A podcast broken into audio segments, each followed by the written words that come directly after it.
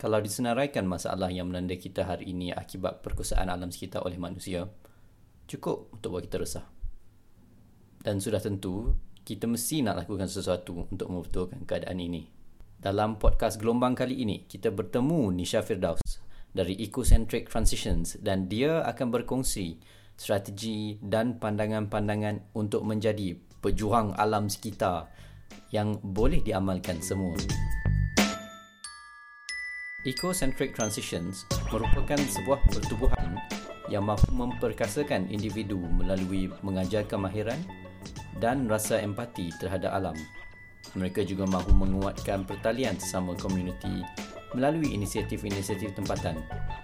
Bahagian pertama ini menyatakan cara Ecocentric Transitions meneliti isu-isu genting hari ini kita nak minta kira sedikit macam gambaran lah tentang apa dia Ecocentrik sebagai sebuah organisasi dan juga apa yang cuba dicapai oleh Nisha dan rakan-rakan menerusi Ecocentrik. Dalam kita punya workshops dan kita punya projects, kita cakap dengan orang, hmm. apakah mewah kepada anda? Adakah mewah tu ada rumah besar, kereta besar ataupun mewah tu ada rumah yang sederhana Uh, tapi dekat dengan market, dekat dengan padang permainan, ada pekerjaan yang memberikan kita masa bersama family, uh, pekerjaan yang memberi kita uh, masa untuk berkebun sebab benda tu adalah kehidupan yang sihat dan uh, balance, seimbang. So, apa itu kemewahan? That's one of kita punya key questions lah dalam kita punya program and kita punya project. Ecocentric Transitions, nama dia pun dah bagi tahu sikit lah about what we do uh, ecocentric sebab bila kita buat sesuatu yang eco tu kita kena buat dengan rasa gembira and excited and apa tu dengan uh, wonder you know and transition sebab kita tak tahu apa end game untuk kehidupan lestari. Apa itu betul-betulnya mampan? You know kita masih tercari-cari the the silver bullet lah apa yang we need to do to sustain our life on earth sebab kan kita manusia Kita semua hidup atas planet Yang satu ni. Dan planet yang satu ni lah Yang bagi kita semua Kita punya sumber-sumber. Hmm. Tapi dalam masa yang sama Ada sumber yang tak boleh di uh, Renewable. Uh, You know sekali pakai dah habis. Tapi ada sumber yang Boleh uh, kita charge balik Macam like solar and all that. So dalam masa kita hidup ni uh, Apa impact kita Atas planet? Macam mana kita pakai apa yang kita nak dengan apa yang kita perlu? So there is difference lah kehendak dan kemahuan yang boleh kita continue untuk bergenerasi yang akan datang. So Ecocentric punya mission sebenarnya untuk um, meningkatkan taraf kesedaran orang ramai bukan sahaja se- untuk kehidupan senang kita tapi ke- kehidupan mewah dan senang untuk semua orang. Dalam usaha nak menjawab soalan apa itu mewah dan soalan-soalan lain yang anda tanya kepada peserta-peserta anda di dalam program-program anda, apakah topik-topik yang di dilihat lah ataupun di dikaji dalam usaha untuk menjawab soalan-soalan tersebut. Kita orang punya workshop is not preachy. We don't tell you what to do. We ask you questions, mm-hmm. you discuss and then you rasa dalam gaya hidup you sebagai student apa yang sesuai. Dalam gaya hidup you sebagai business person apa yang sesuai. So terpulang kepada individu untuk cari jalan penyelesaian sendiri mm-hmm. dalam konteks yang kita bagi. So mungkin ada budak-budak yang form 5 yang masuk kita workshop. So untuk dia orang dia perspektif dunia is different from orang yang bekerja perspektif dunia different. What what I'm trying to say is we provide you with the skills and the thinking mindset mm-hmm. so that you can apply apa yang you rasa sesuai untuk keadaan your lifestyle. Mm-hmm. And it's your creativity lah that limits you untuk kami kes kami actually engineer. Mm-hmm. kami semua student engineering. Uh-huh. Dan keluar kerja pun dalam bidang-bidang yang uh, in that direction. Lepas tu when we decided untuk uh, mulakan social enterprise, social business yang fokus on community, uh, environment and um, services untuk meningkatkan um, quality hidup masyarakat, then we kena define macam mana kita nak cakap ke orang kita kehidupan mampan ni bukan mundur Because immediately orang ingat Oh kalau macam tu hippie lah mm-hmm. You know Duduk di rumah miskin You know mm-hmm. And then like Baju koyak-koyak And it's like That's not the point The mm-hmm. point is Kalau Kita orang beli baju Right For instance Sebab semua orang suka pakai Trendy stuff so, Semua orang suka pakai benda cantik Tak ada You cannot deny that Tapi What we think When kita orang beli baju Is like Okay Aku beli baju ni Baju ni Tahan berapa lama mm-hmm. You know Apa dia punya uh, Is it trend Ataupun is it style mm-hmm. So style outlast a trend. So kalau katalah I suka jeans kan. Jeans ni daripada zaman tok I pun ada. And until my cucu cicit mesti akan ada jeans. So mm-hmm. jeans is something that memang we will have in our cupboard. Mm-hmm. You know. Then benda-benda lain kita fikir macam okay track pants because kita buat banyak gardening. So we consider what we buy functionally. So mm-hmm. fungsi sesuatu barang tu sangat penting.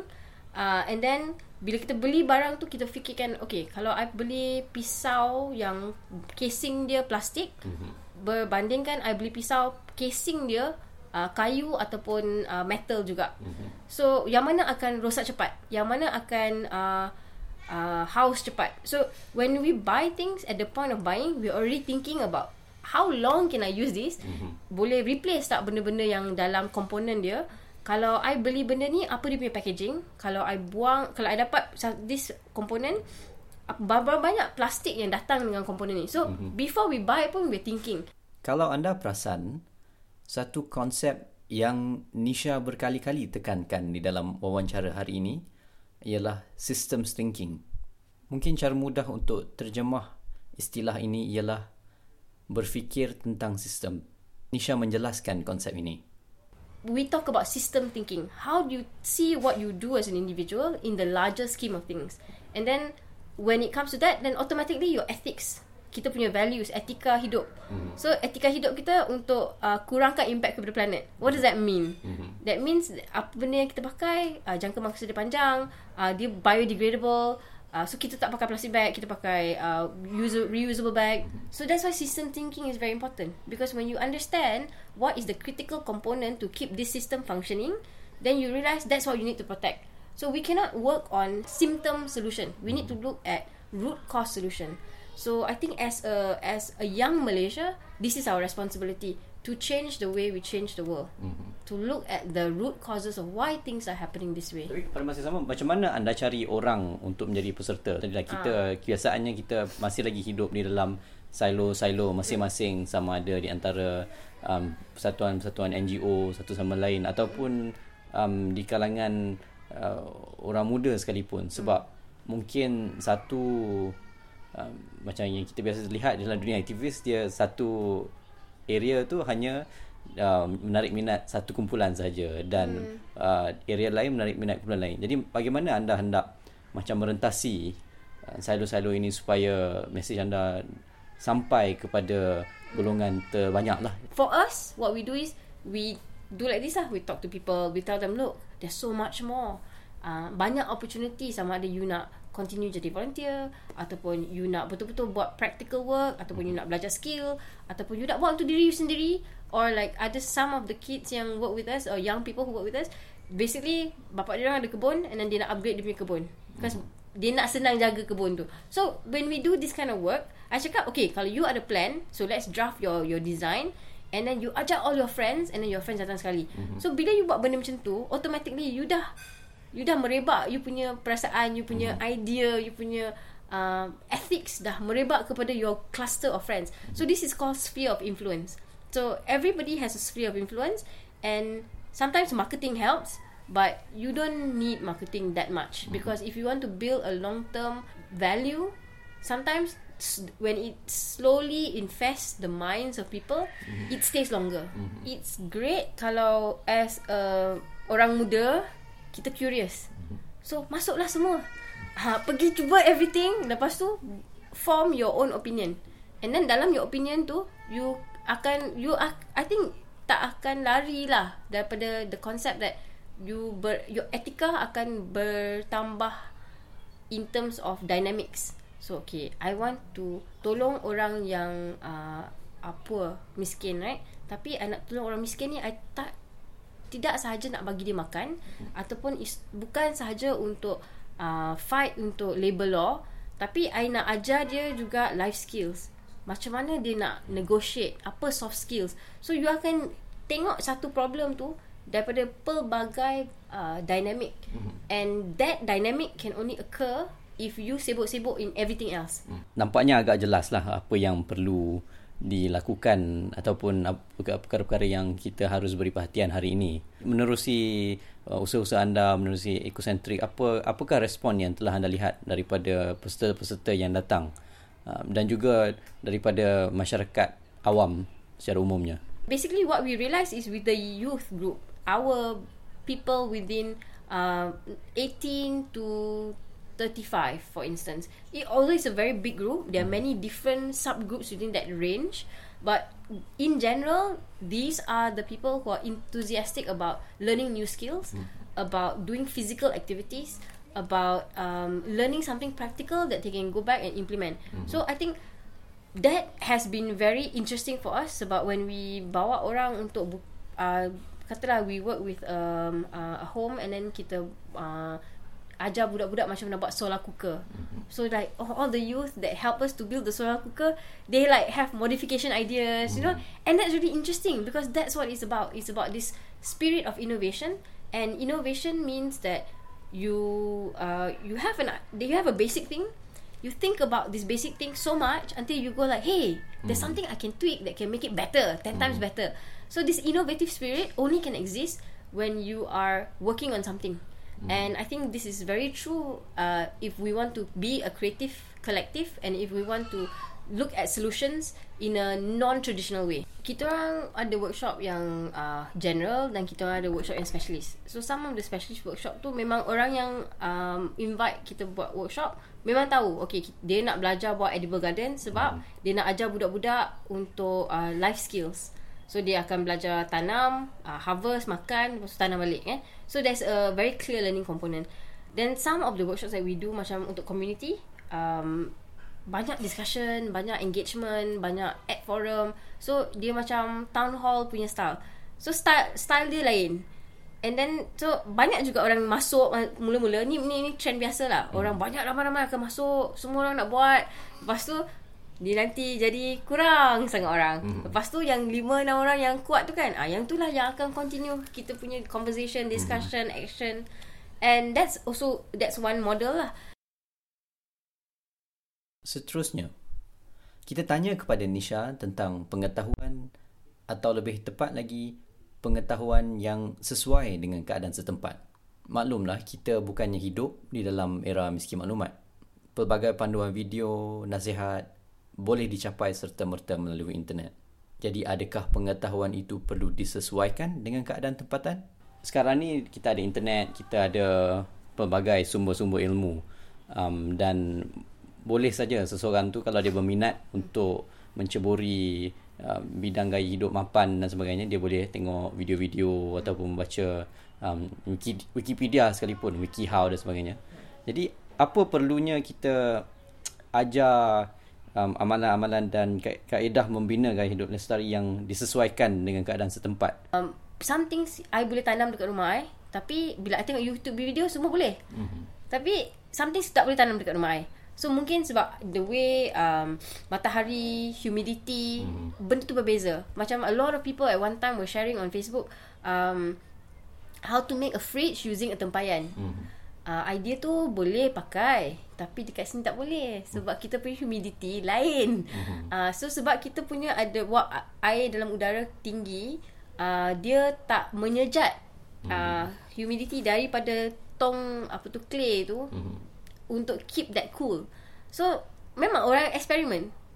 Then dia rasa oh tak jadi lah. So orang tak buat, you know. Mm-hmm. So these are the localizations in sustainable living yang practical dan tak practical. Mm-hmm. So if you are a YouTuber, you like watching DIY videos, cuba everything. Mm-hmm. Lepas tu apa yang work, you keep. Apa yang tak work, you tak buat lah. Mm-hmm. And I think this is normal for everything. Either either you make cupcakes, you akan try all the recipes and then you ada 10 yang you betul-betul suka and this is a process. Buat masa ni adakah sumber-sumber yang sumber-sumber yang mudah lah untuk orang rujuk untuk ilmu-ilmu ataupun maklumat-maklumat yang praktikal lah dalam hal-hal ni. Adakah kita masih lagi perlu bereksperimentasi hmm. ataupun sudah ada sumber ataupun satu khazanah maklumat yang sama ada untuk profesional ataupun untuk orang awam rujuk lah untuk dia dia belajar. Hmm, kadang-kadang benda ni bukan pasal rujukan tau. Sebab kita biasa work in silo. I buat jawatan. Hmm. So, I tak tahulah rainfall macam mana. I tak cakap dengan orang meteorology.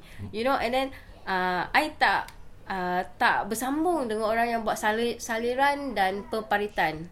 So, I buat specialist lah. I buat highway je.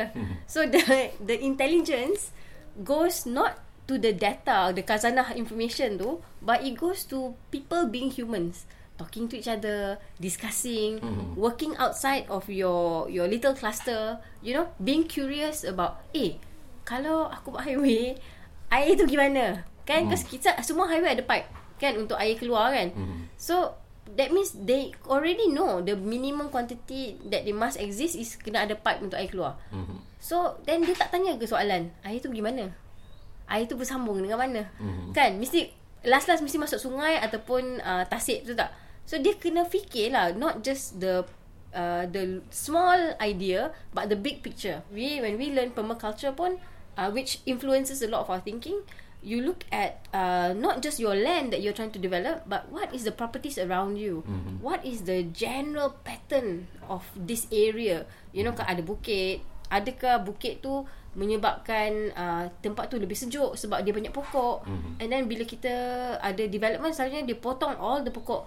And they never think uh, burung pergi mana, mm-hmm. tupai pergi mana, you know, ecology yang dekat area tu pergi mana. So it's difficult to change when the system is already set. But if the people in the system start thinking all these questions, I think they will realise kita ni with apa just to quote Spider-Man kan, with great power comes great responsibility. Mm-hmm. So if we keep that in mind, kita tahu kita ni banyak responsibility. It's not for ourselves, it's for the earth. I think religion requires us to be responsible on, mm. you know, we are stewards of the planet. And I don't think anybody wants to die lah. We don't want to be like fungus on a piece of bread. Mm-hmm. We eat, eat, eat, eat the bread and then we live in our own species, uh, our own feces and then we die. You know, mm-hmm. it's a very bad way to go lah. We're quite intelligent.